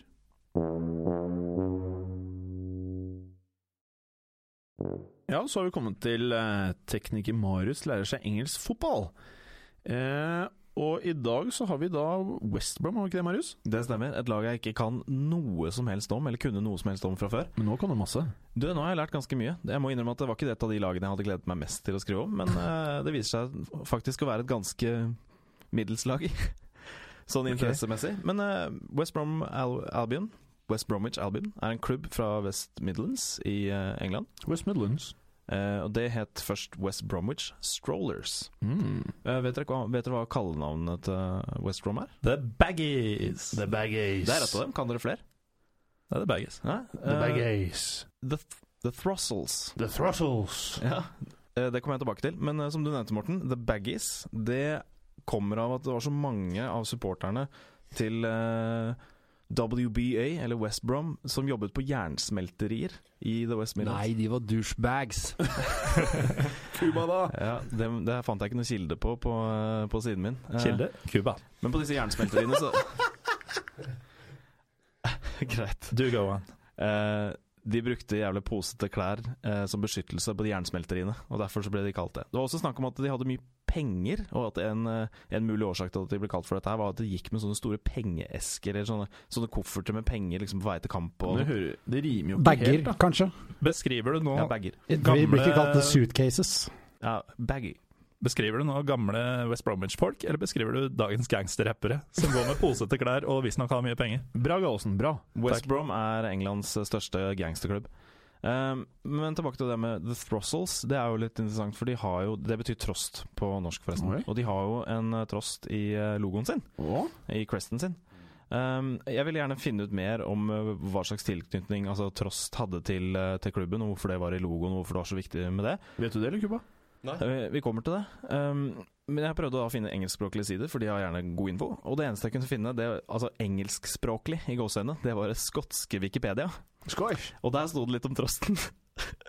og der står det Throssels is about 22 to 23 centimeters long and 70 to 90 gram in weight and it's weird normals turdus merle. The sexes looks alike with hamel brown backs and spruce spreckled breasts. Hva var det der, Marius? Jeg- Det var noen tyskere som har forvilla seg til Skottland og skrevet Var på det skotsk? deres. Hørtes Eh, mer ut som gaelic. Ja, nei, det var, det var skotsk. Det var skotsk. Jeg har bodd fire år i Glasgow, Marius. Du Ja. hørtes ikke ut som uh, skott. Ja, er litt lenger nord i Skottland, Jim. Hørtes han litt ut som Sean Connery? Jeg, men, jeg mener bestemt nei. Det er merkelig at vi alltid skal komme tilbake til noe som har med Sean Connery Også Kuba? Cuba avgjør. Neste James Bond, spør du meg. Altså. Ja, Marius. Du ser ut som James Bond. Nei, men da, da lærte vi litt om trosten i hvert fall. Men, eh, men grunnen til at de hadde en trost, eller har en trost i logoen, er um, fordi det viser seg at de hadde et bur med en trost i, der hvor laget skiftet i det som var liksom City Hall, da. Lager? Laget? Laget hadde, Laget? Ja, hadde oh, ja. en trost i et bur, der hvor de pleide å, eh, å skifte. Hvorfor hadde de en trost der, da? N- Nei, det er det, da. Som jeg ikke har kommet noe nærmere. nærmere. Men, men det forklarer også navnet på, på stadion, som eh, dere kanskje vet heter The Hawthorns. Hawthorns. Eh, det på norsk betyr hagtorn, og det har noen sånne røde bær og sånn som jeg kan innbille meg at trost spiser. Så det er en uh, greie. Fram til 1930-tallet så hadde de faktisk en trost ved sidelinjen nå, når de spilte hjemmekamper, og det ble sagt at uh, den trosten, den sang bare når uh, West Brom leda, eller når de vant. Men vet du hvorfor det heter The Hawthorns? Eh, hvorfor det heter Hawthorns? Nei. Det er fordi at banen er bygd på et sted hvor det var veldig mye hagtorner som de Mm. måtte fjerne. Bra, Bjarne. Bra. Sikkert mye til oss da, kan jeg tenke meg. Kuba? Helt sikkert. Hadde du noe, Kuba? Så ut som du var sugen på Det kommer, for jeg, jeg må bare, siden du spør meg så opp her, jeg må jo bare innrømme at jeg har bodd i dette området av verden, vet du. Mm. Jeg har jo bodd i Birmingham, så jeg skal skyte inn underveis her. Men jeg hører du har veldig kontroll. Det, jeg har stålkontroll. Eh, Erkerivalen til eh, West Brom er to eh, klubber fra Birmingham-området. Det- Har dere lyst til å gjette hvem det er, gutter? Det er Ulvvann fra Wolverhampton. Yes, det er riktig. Og klubb nummer to, hvem kan det være, Cuba? Nei, jeg vet ikke. Du Nei. trenger mikrofon hvis du skal Ja, svare. nei, det jeg sier det for deg. Det er Aston Villa. Eh, det kalles for da Altså Wolves og West Brom. Det Derby kalles for The Black Country Derby. Mm. Eh, og faktisk et av verdens eldste derbyer, med over 150 offisielle kamper spilt. Syns jeg er veldig kult. Det er sånn old school, skikkelig old school derby. Det Ja. liker jeg. Jeg skal ta litt eh, trivia om, uh, om support og litt forskjellig. Um, Kan jeg bare skyte, skyte inn her, kamerat? Siden du har gjort så gode lekser, så syns jeg at eksamen din skal være neste helg. På Villa Park så spiller Aston Villa mot West Bromwich Albion. Hva, Bare så du er, vet det. hva, er, hva er det han skal gjøre? det, det er en kamp Han skal Skal se fly på dit? kampen, han skal se på draktene, og han skal på en måte nyte det han kan, da. Nei, Marius, du må dra i- dit. Jeg tror det er det Cuba mener. Du må dra dit og se på det. Jeg tar en helg eh, borti der og ser kamp. Ok. Eh, de har vel ikke flyplass i området, men det, det kan jeg ordne. De har noe som heter Legs 11, gutter. Ok, anyway. Uh, li, Du, Cuba, hva er det? Nei, det er, det er et, en glorifisert utgave av Blaze. Mm. Og hva er Blaze? Blaze er en glorifisert utgave av eh, ja, Hva heter det nå, alle disse stedene her, da? Nei, det er jo et etablissement hvor jenter kler på seg klærne sine og Bra, Cuba. viser Bra. fram klærne. Ja. Bra, Cuba! jeg liker å dra på byen der hvor jenter tar på seg klær. Eh, vi graver oss ned et hull her. Nå må vi Eh, stramme opp, karer. Lagets, eh, altså West Broms supportere, de blei i et TV-program som er liksom den engelske ekvivalienten oh. Nei, nå klarer jeg ikke å snakke. Anyways, det, heter Testnasjonen da, på norsk, hvor de tar sånn IQ-test av hele befolkningen. Det gjorde de i Norge på 2004 eller et eller annet. Da ble faktisk West Broms fans kåra til Englands smartere eh, tilskuere. Smartere? Nei, smartest? smarteste. Smarteste. Ja, eller de med høyest IQ, da, gjennomsnittlig. Har dere Mm. lyst til å prøve å gjette? Mm, Gjette på hva? Ja, ja, gjette på hvor høy IQ de har i gjennomsnittet. Altså Nei. supporterne av Vi har eh, ikke lyst til å gjette. Null interesse av det. Ok, Hva sier du? 138. Mm. Det er faktisk ganske høyt. Det er høy IQ. Det hørtes Eh, feil ut. Ja, det kan ikke være riktig. Er, det, er du sikker på at det er tresifra? eh, nåværende spillere da, i West Brom som jeg syns er litt uh, interessante, er jo tidligere Manchester United Ålesund-spiller Lindegård. Anders Lindegård. Mm. Um, tidligere Rosenborg-spiller med landskamper for Costa Rica, Christian Gamboa. Mm. Um, Skotte, 68 landskamper for uh, Skottland. Også tidligere spilt i Manchester United. Darren Fletcher. Dette er jo ganske store navn. Ja. Um, jeg syns det. De har også Greien, en, um, en uh, venezuelansk Er det det det heter? Landslagsspiller fra Venezuela. Venezuelansk? Nei. Spiller med fortid i Malaga, Ruben Kazan og Zenit St. Petersburg. Som vi har snakka litt om i poden tidligere. Mm. Rondon. Rondon. Eh, Som er veldig god. ja, veldig fin fyr. Fin fyr. Kjenner du ham? Jeg og Rondon Har du vært på Blaze med Rondon? Jeg og Rondon har sett jenter kle på seg på Blaze flere ganger. Glaze, Blaze. Nei, Kari, la oss holde oss til fotball nå. Eh, West Brom har faktisk uh, den, altså seiers... uh, hva heter det? Stei, største seiersmargin i uh, England. De har størst målforskjell i engelsk toppfotball. Med 12-0 mot et engelsk klubb som het Darwin. Som er et lag som slutta å eksistere for 13 år siden. Eh, det syns jeg var spennende nok til å ha med i segmentet. Veldig spennende. Veldig kort om eh, byen West, West Bromwich. De har 75 000 innbyggere. Eh, og interessant nok så er byen delt inn i West Bromwich West og West Bromwich East, Veldig interessant. som er styrt av to forskjellige borgermestere fra samme parti. Hva i all verden Hva er vitsen med det? Jeg hadde skjønt det hvis det hadde vært én milliard mennesker som bodde der, men nei, jeg fatter ikke. Fatter ikke. Det er altså den største byen i England uten eget postnummer. Det syns jeg Kuriositet. Jeg tror folk er veldig keen på å høre om det her. Ja, ja. Folka derfra kalles for yam-yams. Fordi de Mm. sier, de sier Yo-am og yom. Dette Gjør kan de du sikkert bedre enn meg. Ja, ja. Som betyr henholdsvis you, you am og you are. Så de sier yao Nei, yao Yao am. Og disse hadde skyhøy IQ.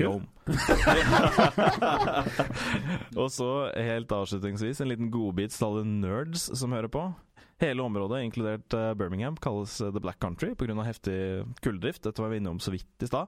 Uh, det er faktisk så heftig kulldrift i området her fra gammelt av at det er inspirasjonen til eh, J.R.R. Tolkien da han lagde Mordor i Oh! Ringenes herre-bøkene. Det er veldig spennende. Det er viktig å få frem. Det er jeg enig i. Så eh, helt avslutningsvis, det er altså med andre ord mørkets og ondskapens land, og det tror jeg at Cuba kan uh...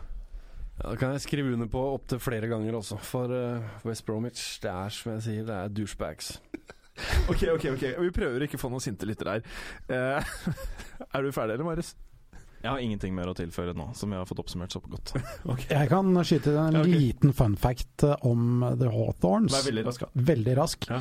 Altså, eh, da stadion ligger på 168 meter over eh, havet, og det er den høyeste liggende stadion i, av alle de 92 stadionene i seriesystemet. Hva med de stående stadionene? ok, er du ferdig? er Var det ferdig. ironisk latter, eller? Nei, nei. Nei, du lo. Ja. Var det latteren din? Kjempegøy. Å, shit. Premiere Ja, på. Latter. Ja, bra. Bra taking, Marius. Bra. Takk alle. Nå er vi ferdig. Maybe someone's uh, don't like me, but because I'm maybe I'm too good. I don't know why. He has zero titles, and I have a lot of them. Listen, I've just told you I'm concentrating on my football, which I'm doing all summer. There's only one Zlatan. Sure? Yeah. Do you know Zlatan? was your hand or the hand of God? Cheers. For me, man. I thought it was funny. Or nå ukas frekkas, eh, hvor vi skal se på litt eh, bisarre eller morsomme ting som har skjedd i fotballverdenen. Har du noe snacks, Christer? Jeg vet ikke helt om, eh, om jeg er innafor på disse to her, men jeg på en måte tok bare utgangspunkt i hva jeg syns var frekt sjøl den forrige uka. Eh, Jeg regner ikke med at det er noen andre som skal bestemme hva jeg syns er frekt. Så Nei, jeg er starter med bestemmer, Kuba. Nei, jeg starter med en fotballkamp jeg, mellom eh, Det var vel Watford mot Swansea. Hvor Aurelio Gomez eh, helt på slutten av matchen Vi har vært litt inne på det i sammendraget, men et langt utspark. Det er ikke bare et langt utspark, vet du. Det er altså et sinnssykt utspark. Det er et sinnssykt utspark. Ja, det er et sinnssykt utspark hvor han treffer så presist, og han denger så Altså, det ser ikke ut som han denger løs engang. Men hva er det som er frekt med det? At han treffer motstanderens 16-meter. Han treffer spissen sin midt på huet. Altså, han, han sikter, det er det som er så frekt. Han skyter altså ballen over 18 andre spillere. Treffer spissen sin, som bare nikker ned til Igalo, som får fri vei mot mål.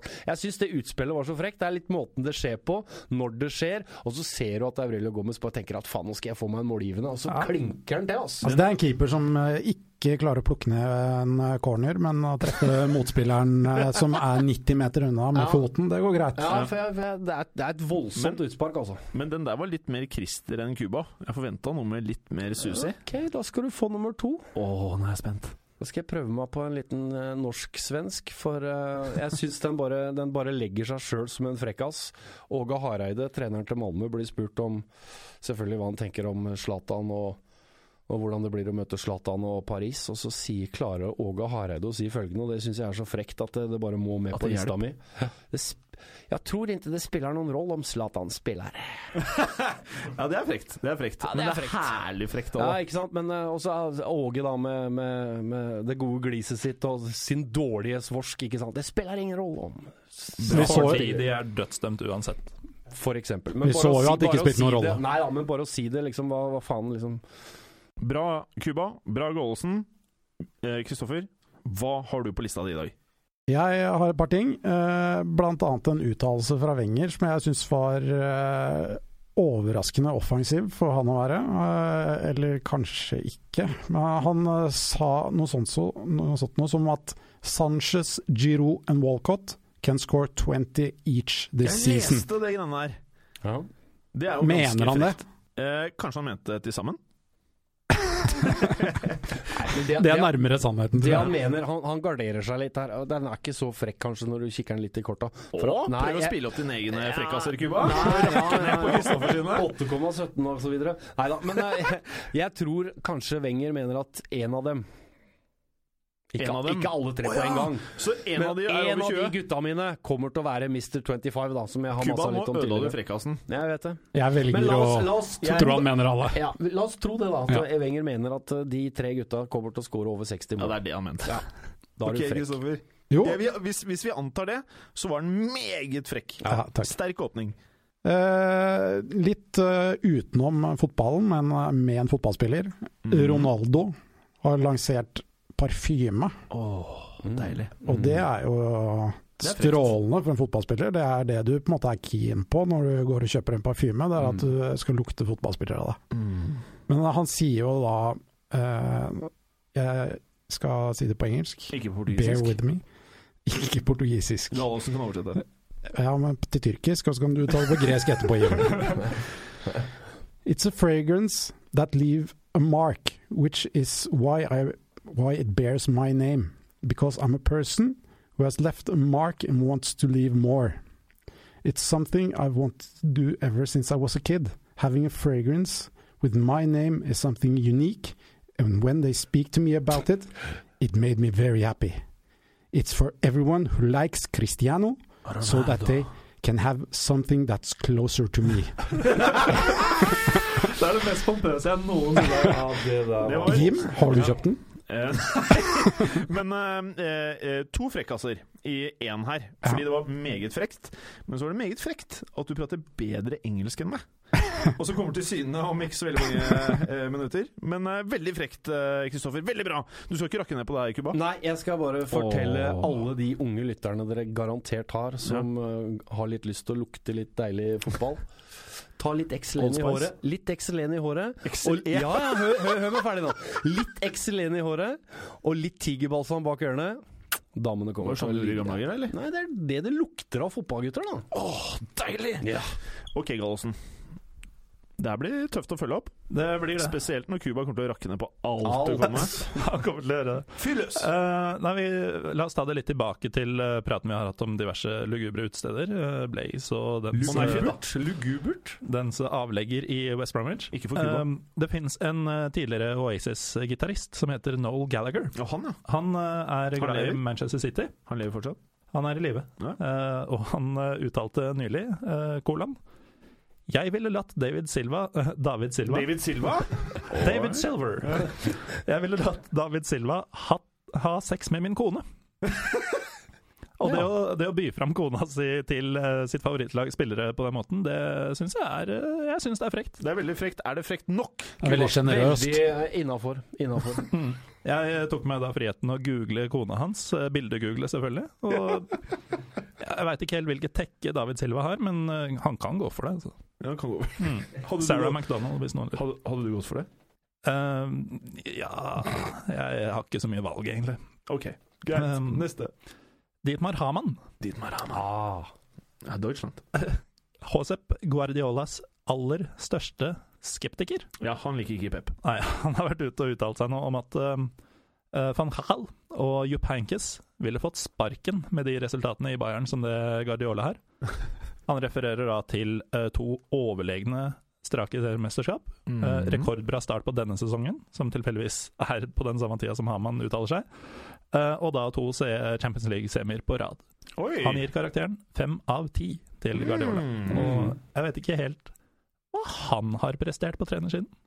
Nei, det vet ikke vi heller. Kristoffer, jeg ser at du er keen på å si noe. Hva er det du skal si? Ja, nei, jeg bare Jeg kom på at eh, det er jo en eh, engelsk fotballspiller som har gitt ut bok i disse dager, Helt som er veldig mye blest om. Mm. Uh, vi må ta med oss en liten ting derfra. Det er egentlig flere ting man kan ta tak i. Uh, det dukker sikkert opp mer også i dagene som kommer.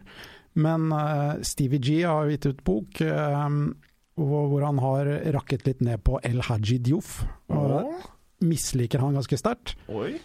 Eh, og det han sier, det stemmer jo ganske godt med mitt bilde av El Haji Diouf. Så jeg må si jeg stoler jo på Steven Gerrard, men eh, El Haji Diouf har jo kontret litt her.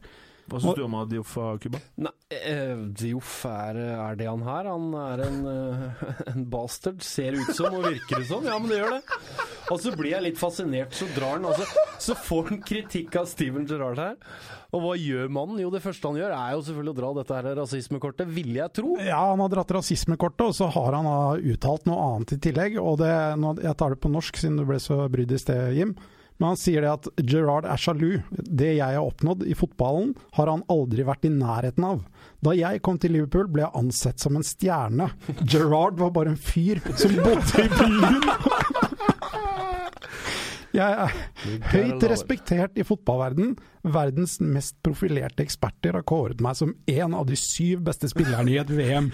Jeg er kåret som en av de hundre beste spillerne i dette århundret, sier han. Det her er jo, Uan- det er jo ekte beef! Altså ja, uansett hvor jeg drar utenfor mitt eget land, blir jeg tilbedt. Men Gerrard er hatet alle andre steder utenfor Liverpool. Det er en frekkas! Det er dagens frekkas, altså. Det er Ja, dagens frekkas. Jeg, jeg tenkte, Det er jo ikke vanlig at jeg kommer med en frekkas, men jeg har en liten en. Eh, og den er et resultat av en video av Mario Götze. Og vi har jo pratet litt eh, om du og jeg, Gallosen, om hvorfor Pep ikke spiller Götze så mye som man kanskje forventet når han gikk fra Dortmund til Bayern München. Eh, Mario Götze han eh, skulle feire at han fikk ti millioner følgere på Facebook. Og hva gjorde han? Jo, han bakte en sjokoladebanankake. Som Birgitte, tror jeg det var, som var hans tiende millionde følger, eh, ba han om å gjøre. Og hvis du ser den videoen, og det anbefaler jeg de fleste å gjøre, så tror jeg kanskje litt av den personligheten som vi har pratet om tidligere, kommer litt frem her, da. Okay. Eh, for han eh, står og synger og baker og litt sånn eh, forskjellig. Og det syns jo jeg er ganske frekt, som en fotballspiller som ikke er starter lenger, å gå ut og feire ti millioner følgere på Facebook og ikke fokusere på fotballen. Helt enig. Helt enig. Alle enige? Cuba? Jeg vet ikke, ti millioner er ganske mange. Det er, jeg hadde bakt ei kake, jeg òg, for å si det sånn. Altså 100 millioner Cuba. Når fotballuka får 100 millioner følgere på Facebook, da skal vi bake kake. Hva er det vi da er? baker du kaka. 230 eller noe sånt? All right, nå må vi videre. Takk skal dere ha, karer.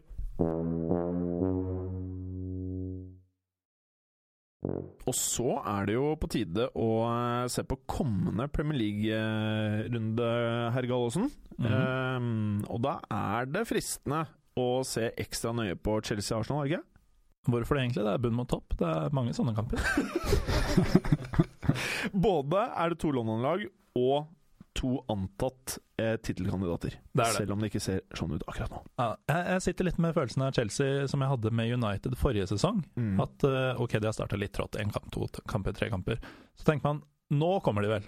Så går kampen, og det skjedde ikke. Nå da, nå da, nå, da. Nå da. Ja, eh, Chelsea gjorde noen endringer sist. Det hjalp eh, veldig lite. Mm. Eh, og nå skal de jo da ta imot et lag som er i ganske mye bedre form enn dem. Mm. Eh, de har Og tenk om han der som skyter så mye som Kristoffer pratet om, han der Sanchez Tenk om den begynner å gå inn i kassa òg! Mm. da, Ei, ei, ei! da Stakkars det. Ivanovic og stakkars Boysa. Ja, og I hvert fall hvis det skjer tidlig i kampen. Fordi så langt i sesongen så taper Chelsea alltid hvis de Mm. slipper inn først. Bra, Gallosen. Mm. Det er, ikke noe, det er ikke noen kul kamp for Chelsea på noen som helst måte, dette her. Altså, selv om det er hjemme og selv om det er mot Arsenal, så kommer den kampen egentlig Altså, vi snakker tidlig i sesong, men slik det ser ut i Chelsea nå, Ja. og sånn det ser ut for José Mourinho, så tror jeg vel kanskje ikke at et tap Et stygt tap, da. Et tap som ikke ser så pent ut. Og prøver du ikke at Mourinho skal gå? Noen må jo gå. Ja, ok, nå skjønner jeg vinklinga di, Cuba. Noen må jo gå. Ja, for de skal jo spille Champions League òg. Tenk om de taper Champions. League! Og de tapper eh, Det her er worst case, men jeg, jeg har på en måte ikke sett så mye eh, veldig glitrende av Chelsea til nå. Selv om jeg, jeg syns ikke de har vært så dårlige som mange skal ha det til. Mm. Jeg syns José Mourinho har et lite poeng når han sier at Chelsea har vært maks uheldig. Mm. Nå kjenner vi jo retorikken til Mourinho. Det er jo alle andres feil enn hans egen. Men det det er en, en kjempeviktig kamp for Chelsea, og en kjempeviktig kamp for Mourinho. Kjempeviktig. Hva mener du, Kristoffer? åpenbart veldig viktig. Eh, Arsenal har jo da ikke slått eh, Chelsea i Premier League på syv kamper, men samtidig så slo de jo i Community Shield der tidligere i sesongen. Eh, ja, de har bare skåret to mål på de siste, siste fire mot, uh, mot Chelsea, så Mm. sånn sett så har Chelsea et overtak på Arsenal, og det er jo Arsenal så jo veldig sterke ut mot Stoke, men det, er sånn, det gjør de jo alltid, på en måte. Det er et lag de alltid slår. og de, Arsenal er typisk at de slår på en måte de antatt dårligere lagene. Og nå får de endelig da muligheten til å bevise at de også kan slå de antatt beste lagene. Og er det noe tidspunkt de kan gjøre det på, så er det vel nå.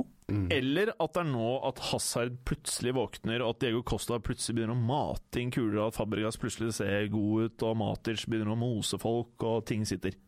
Ja, kanskje. Ja, Og så er det jo spennende med Fabregas her, som har vært helt naken til nå. Eh, Off. Han burde jo vært uh, bytta ut, og nå skal han da spille mot gamle lagkamerater. Han eh, må opp et par knepp, altså. Mm. Må opp et par knepp. Hva, du, hvordan caller vi resultatene her, Cuba? Nei, det, er, det må du egentlig ikke spørre meg om, for jeg tror ikke jeg har Jo, det jeg vunnet- gjør, ja, jeg, tror ikke jeg har vunnet én krone på tippinga noensinne. Så hvis jeg skal begynne å tippe så, men, men jeg sitter med en følelse av at dette her eh, At det blir to lag som ikke har lyst til å tape, jeg. Så jeg ville tippe hvis jeg, hvis jeg virkelig skal klinke til å tippe, så tipper jeg 1-1. Noe som 1-1, som ja. 1-1. Ja, jeg gjør det. lukket Jeg, litt eh, bussen eh, til Mourinho, Men bussen jeg. har ikke funka så bra, da. Nei, men eh, ha, nei, Men skal- jeg tror bussen busser kommer nå. Busser hjemme? Ja, han busser hjemme mot gode lag. Rust i bussen! Eh, 1-0. Ja, ok. 1-0. Ålreit. Gallosen? Nei, det, det lukter målfattig. Det lukter to forsiktige lag. Det lukter både 1-0 og 1-1, egentlig. Så jeg tror det Mm. blir 1-0 først, og så 1-1 til slutt. Men en møkk kjedelig kamp, da, eller?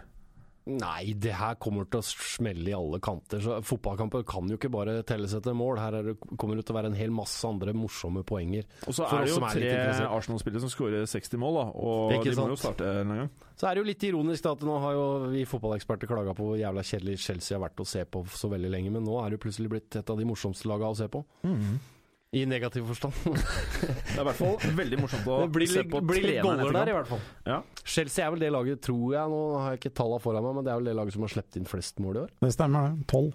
Flest. Det er jo helt out of character, men um, Helt out of character. Hva tenker du om toppoppgjøret Bournemouth-Sunderland, Gallosen? Si noe kult, da! Toppoppgjøret Bournemouth-Sunderland. Det er eh, to lag som ikke har holdt nullen denne sesongen. Nei. Um, så det kan jo håpes på mange mål. Eh, vi kan også ta med at Bournemouth har aldri slått Sunderland. Men uh, vi har snakka mye om Sunderland her. Jeg tenker én gang må være den første. Ja. uh, og det kan jo meget vel være her. Sunderland har for så vidt vunnet de tre siste turene til Bournemouth 1-0. Eh, ingenting som lukter det nå. Altså Sunderland virker ikke som et lag som kan vinne kamper. Og ingen av disse lagene holder nullen. Så dette tror jeg kan bli gøy. Og hawaiisk. Hawaiisk, det liker vi, ass. Mhm. Eh, Kristoffer, Newcastle Watford, skal de gå til eh, hjemmestadion sin? eh? Nei, de slapp det. Tapte, vet du. Det er, Ja, men- det er dårlig omen å gå fra bussen. Ja, men kanskje de prøver det for det? Ok. Gå fra treningsanlegget, da, kanskje. Ja. Eh, nei, vi kommer nok til å se et Watford-lag som ligger ganske dypt. Uh, som mot uh, Westham, så kommer nok Newcastle til å ha mye ball. Og så får vi se om de klarer å omsette noe av det i skåringer uh, foran et eh, kravstort hjemmepublikum. Eh, det begynner vel å lukte litt buing og plakater mot eh, Ashley på, på St. James' nå. Det er vanlig. Jeg tror nok, uh, tror nok ikke det blir mye mål, jeg tror kanskje Watford uh, kan kontre inn en scoring. Kanskje det er nok. Mm. Ålreit. Hadde hjulpet om Shearer bare tok på seg støvla igjen og spilte på topp, eller? Nei. Nei. Ålreit. Eller det hadde ikke blitt verre. Det hadde ikke vi vært. Christer, Ja. Aston Villa West Brom. Ja, det er, det, Kom igjen, da! det- Skal du dit, eller? Mm. Skal du dit? Ja, hadde jeg hatt råd til det om dagen, så skulle jeg reist, men, eh, men eh, jeg har ikke det. Altså. Men det er jo et lokaloppgjør i, i min smak, Hvis dette her. du dytter alt i huset ditt ned i kjelleren Ja, når det ikke begynner å regne, Ja. så kan det bli men jeg sitter med en sånn forsikringsagent ved siden av meg, her, så jeg tror ikke jeg skal Men han er på laget ditt nå. Ja, ikke sant. Kanskje vi skal ta en tur sammen? Ja. Det Jeg spanderer. Ja. Eller, eller jeg. Ja, ikke sant? ja, du, ja. Det kan vi jo krangle om på turen. Nei da, jeg skal være litt alvorlig. Det er, det er, et, det er et lokaloppgjør Ikke for alvorlig nå. Nei da, men det er et lokaloppgjør med litt schwung over, spør du meg. Det er eh, West Midlands Derby, og nå har jo lytterne her lært seg å ikke heie på West Bromwich. Nei, det blir de er- det blir spennende. Villa må liksom Nå må de opp og vise hjemmefansen at de har lyst til å selge noen T-skjorter og har lyst til å være et fotballag i år, de òg. Det er mange som har spådd Villa helt i bånn. West Bromwich kommer jo med den De kommer i hvert fall med bussen, for å si det sånn. Når Tony Puli spiller borte, så blir det sjelden morsomt å se på. Så vi, jeg personlig satser på at Aston Villa underholder litt. De har litt spennende typer på gang, så får vi se om de tør. Er det gangsteren din som skal gjøre det, eller? Grealish er nok mannen som skal gjøre det. Ja. Man legger til at eh, Brian Robson, tidligere trener i West Brom, har jo vært ute og meldt at uh, Tony Pulis kommer nok til å ta West Brom eh, til en europaligaplass i år. Ja. Nå må kanskje eh, de begynne å ta noen poeng, de òg. Det bør de. Men uh, det kommer til å bli tett, spennende og jevnt. Tett, jevnt og spennende. Uh, maskineriet Leicester, Gallosen, de skal spille mot Stoke. Ja, I likhet med Chelsea-Arsenal. Bunn mot topp. Ja. Hadde du kalt de maskineri? Leicester Ja. i aller høyeste Nei, um, jeg hadde vel ikke det. Nei. De har noen strålende offensive spillere. Ja, altså, du og jeg har jo vært veldig på Crystal Palace med Sako, Bolasi, Saha, Kabay. Ja. Og Kristoffer Mm. erter oss litt for det. Han gjør det, men Ja, vi oss glemmer jo Leicester litt Mm. oppi dette. da. Altså, men gutter, det er lov å erte dere litt for det, for de er ikke så fantastiske som alle skal ha det til. Altså. Nei, er. Snill, kan, kanskje er ikke Crystal Palace så fantastiske, men hør på disse navnene her, da. Jamie Vardy. Mark Albrighton. Riyad Mahrez. Ja, nå snakker vi. Altså, Nei, vet, det lukter, og Nathan Dyer leverer også, virker det som. Mm. Gjør han ikke det, kjære gjest? Ja, jo, ja, han eh, var jo heldig forrige helg da. Han er jo en liten dverg som fikk en ball i huet, mens eh, keeperen til Villa var på en av sine sedvanlige skolpturer. Så det var, det var ikke noe problem å få den inn i kassa, for å si det sånn. Nå tror jeg Jim dør. Eh, Jeg kan jo nevne at de to eneste lagene Stoke og Leicester har møttes i Premier League, så har bortelaget vunnet 1-0. Jeg tenker Stoke Leicester 0-1, det høres ganske riktig ut, eh, gitt dagens situasjon. Ok. Kristoffer, Ja. Spurs skal møte det sexy laget Crystal Palace. Hvordan blir dette? Det Ja, vanskelig å si. Jeg, jeg har en teori. Eh, Palace kommer jo fra en eh, ja, relativt sett god kamp, men med et skuffende resultat. eh, Mens Tottenham kommer fra en ja, skuffende kamp med et eh, bra resultat. Eh, Det, er, det har seg sånn at Palace sliter stort sett i London-derbyer. De har kun tre seire på 19 siste kampene mot London-rivaler. Mm. Den siste kommer da faktisk mot Tottenham. Tottenham sliter eh, ganske ofte mot lag som ligger defensivt og satser på kontringer. Jeg tror nok at vi får se et Palace-lag som kommer til å ligge lavt uten spesielt mye ballbesittelse, Mm. og kommer til å komme på mye farlige kontringer. Og det, sånn Tottenham har sett ut til nå, så tror jeg kanskje de skal få slite ganske mye med, med overgangene til Palace, hvis ikke de klarer å finne på noe mer offensivt selv. For øvrig så lurer jeg på om du har pratet litt med Pardew. Fordi jeg spurte en gang om uh, hvem du hadde spilt på topp i Crystal Palace, og du sa Bolassi. Ja, jeg sa at jeg hadde valgt å spille uten spiss hvis jeg hadde hatt troppen deres. Så sier du mer eller mindre en av gutta på topp, da. Riktig. Ja. En av midtbanespillerne. Og det er jo nesten sånn de har sett ut av og til. Ja. Mm. Og det Veldig det kan hende at de ser sånn ut til helgen også. Mm. Cuba, Mhm. Swans Everton. Ja. Raskt, hva kommer til å skje her? Nei, Swansea-Everton. Der kommer Swansea til å slå tilbake, tror jeg. For nå de, hadde de en prestasjon forrige helg som ikke de er fornøyd med. Vi har vel sett, vi som har sett Swansea, at det er et spennende lag å, å følge med på. De har spennende typer. Pluss en Eh, trener som eh, det lar til at han vet hva han driver med. Ja, veldig. Han, eh, og jeg hører fra, fra de indre gemakker i klubben at de er vel Hva er gemakk? Nei, det er liksom de, altså litt sånn på bakrommet, da, på en måte. Mm. Uh, litt sånn barokk måte å si bakrommet på. barokk. Ja. Okay. Så det, de er veldig tidlig ute i forhold til treningsting de satser på og prøver seg på på treninga. De har egne sovetelt og osv. til gutta, så de er veldig langt der. Mm. Så er det blitt et lag som, som kan sine roller. Ja. Litt sånn rosenborsk, for å si det på godt ja. Ola Dunk-norsk. De eh, gutta veit hvor de spiller, og veit hvor de løper. Så, ja, men så kommer jo Everton fra en meget sterk seier mot Chelsea nå. De kommer jo ridende på ryggen på den, men Everton er Everton. Alltid vært det, i hvert fall så lenge jeg kan huske, i 40 år. You never fucking know, altså. You never fucking know. Gallosen, Southampton, Man United. What up? Shaw er vel uh, ute for en god stund nå? Ja, han er ute for en god stund. Han fikk eh, hard medfart eh, i Eindhoven i går. Mm. Hel heldigvis har de jo mye venstrebacker. De har nesten bare venstrebacker. De brukte en hel sommer på å bare Men, men akkumulere eh, Luke Shaw har sett usedvanlig god ut fram til nå, altså. Mm. Ja, de har mange venstrebekker, men nå har jo Luke Shaw virkelig sett ut til å være ganske mange klasser over Det skulle både jo ifølge van Gaal være the season of Shaw. Ja. Det blir jo ikke jeg så sånn ut lenge. Det så sånn ut, ja. Ja, det er et stort slag for United, selvfølgelig. Mm. Men samtidig så er ikke det er ikke Kanskje Rojo får spille, da? Rojo får mest sannsynlig spille. Det var han Mhm. som kom inn uh, mot uh, PC. Uh, det er ikke defensivt det skorter for United, eh, egentlig. Det er Southampton og United er begge to lag som skårer lite, og begge skårer bare inne i 16-meteren så langt. Men nå har jo United Martial. De har Martial, og ikke minst uh, i andre enden, Southampton spiller hjemme. Det betyr at Graziano Pelé ikke bare kommer til å se bra ut, han kommer også til å prøve å få ballen i mål. Eh, men det er litt sånn Mitt fokus er fortsatt på hvem er United. Mm. For det var en opptur sist, i hvert fall i én omgang. Og så så jeg dem i går mot PSV. Det var ikke en opptur, for Nei. å si det sånn. Nei. Så eh, Hva nei, caller de? Får, får vi 45 minutter av United, eller 90 minutter med skikkelig bra fotball? vi får ikke 90 minutter med skikkelig bra fotball. All right, greit. Det er en kamp eh, mellom Liverpool og Norwich, Kristoffer. Mm. Eh, Liverpool trenger å bounce back fordi Rogers har fått mye eh, press i media nå. Ja, da passer det egentlig veldig godt at Norwich kom på besøk. Uh, Liverpool uten tap mot Norwich på de siste ti kampene. Uh, fire siste møtene har bydd på minimum fem mål. Eh, nå har det jo vært uh, Luis Suárez som har stått for flesteparten av de, og han er jo ikke der lenger. Han, det er det laget han skårte mest mål mot. Uh, Liverpool har jo da bare skåret tre mål på sine første fem kamper så langt, så ikke veldig promising for Liverpool sin del. Nei. Eh, Norwich på sin side har uh, skåret åtte mål. Ikke sett spesielt bra ut eh, bakover. Nei, det blir i utgangspunktet en åpen kamp, tror jeg, som Liverpool kommer til å prøve å ta livet av ganske tidlig. Og hvis Bouncer Liverpool tilbake. Jeg tror de gjør det. Mm. Benteke, da. Jeg tror også Benteke kommer til å bli farlig. Han kan ta over rollen til Suarez Suárez mot Norwich. Jeg, men jeg tror Liverpool, både fansen og, og de rundt klubben, nå føler de må på en måte se litt Ikke bare Benteke, men også se litt progresjon.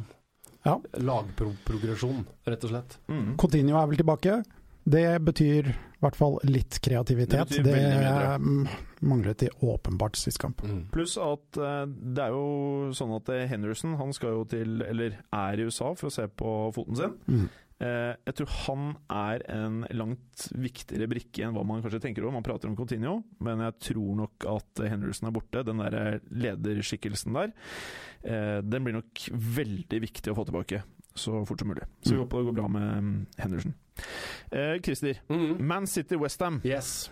Gå, eh, gå oss gjennom det. Ja, nei, jeg kan prøve. Sånn som Westham uh, figurerer om dagen, så, så, så burde man jo kanskje tenke at dette her blir en borteseier.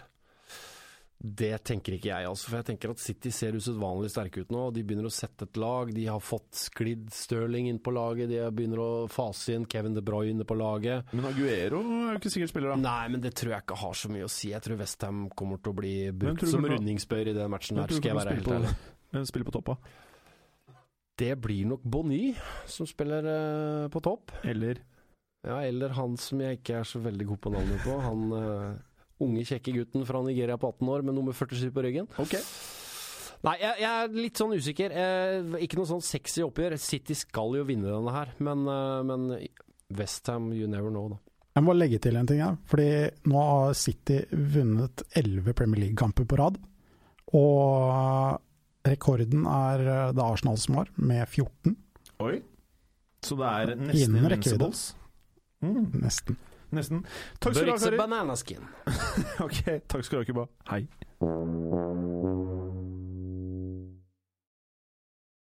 Nå har vi kommet til konkurransedelen, eh, Kuba, Ja. hvor det er uttalelser fra fotballverdenen. Ja. Eh, ja, jeg pleier jo å starte med å høre lyden til uh, Gallosen. Hva er det du, hva er det du har i dag? Dette kunne vært et opptak av meg på fredag kveld. Uff a meg, Det var et opptak av deg, Fredrik. Det var deg. Ok, Kristoffer. Hva er det du har i dag? Ja, hva er det for noe? Det er en eh, flodhest. Flodhest, da. Ja. Ok. Og du har en flodhest her i studio, har du ikke?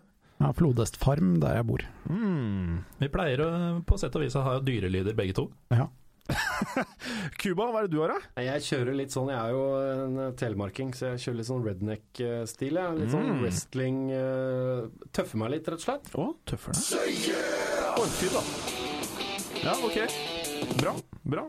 Ja, det var, eh, det var tøft, Christer. Men det hjelper ikke å ha tøff lyd hvis du ikke trykker raskt nok. I know, you back it up. Ok, nå starter vi. If you put Wayne Rooney in the seat and talk to him, do you think people can understand him? You simply can't understand what he says. Å, shit. Jeg tror nok det var Gallosen, altså. Oh yeah! Yeah, buddy. Det må være Louis van Gaal som omtaler sin kaptein. Ja. Og det er jo litt gøy, siden han velger en kaptein som ingen forstår hva sier. Men han mener jo at han er eh, topp fem spillere han har trent, da. Eh, Mm. når han er skadefri. Ok, neste karer. I know that lots of people are happy that finally, after so many years, they find me in a situation like this. So fair play. Enjoy! Gallosen igjen! Det er ikke lett, ass. Er det Mourinho?